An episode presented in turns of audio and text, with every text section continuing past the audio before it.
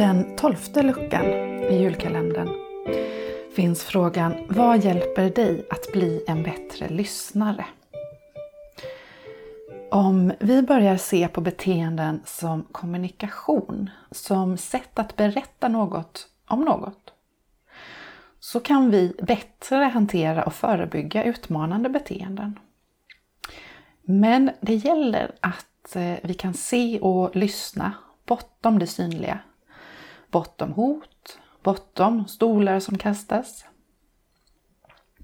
Psykologen Abraham Maslow beskrev på 1940-talet en behovsmodell som han menar driver människan framåt och som är formad som en pyramid med basala behov i botten som mat och värme, tak över huvudet och en strävan mot självförverkligande i toppen.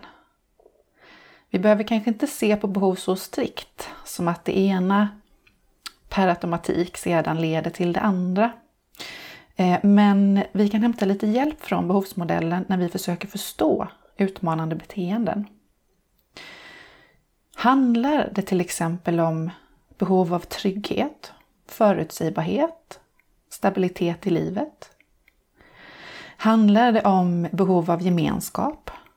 Av att känna att man är del av ett sammanhang? Att eh, man betyder något för någon? Handlar det om behov av att bli sedd och bekräftad? Av att känna att man är en människa, helt enkelt? Handlar det om behov av att utvecklas? Att skapa sitt egna liv? Att hitta meningsfullhet i tillvaron? De här frågorna kan hjälpa oss att se på beteendet med nya ögon. Men det krävs ju som sagt var att vi verkligen lyssnar.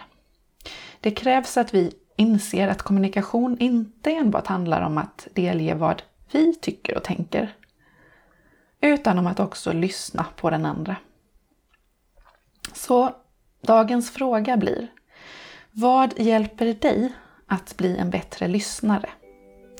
Jag vet till exempel själv att när jag bestämmer mig för att det här ska få ta tid nu, då blir jag en bättre lyssnare.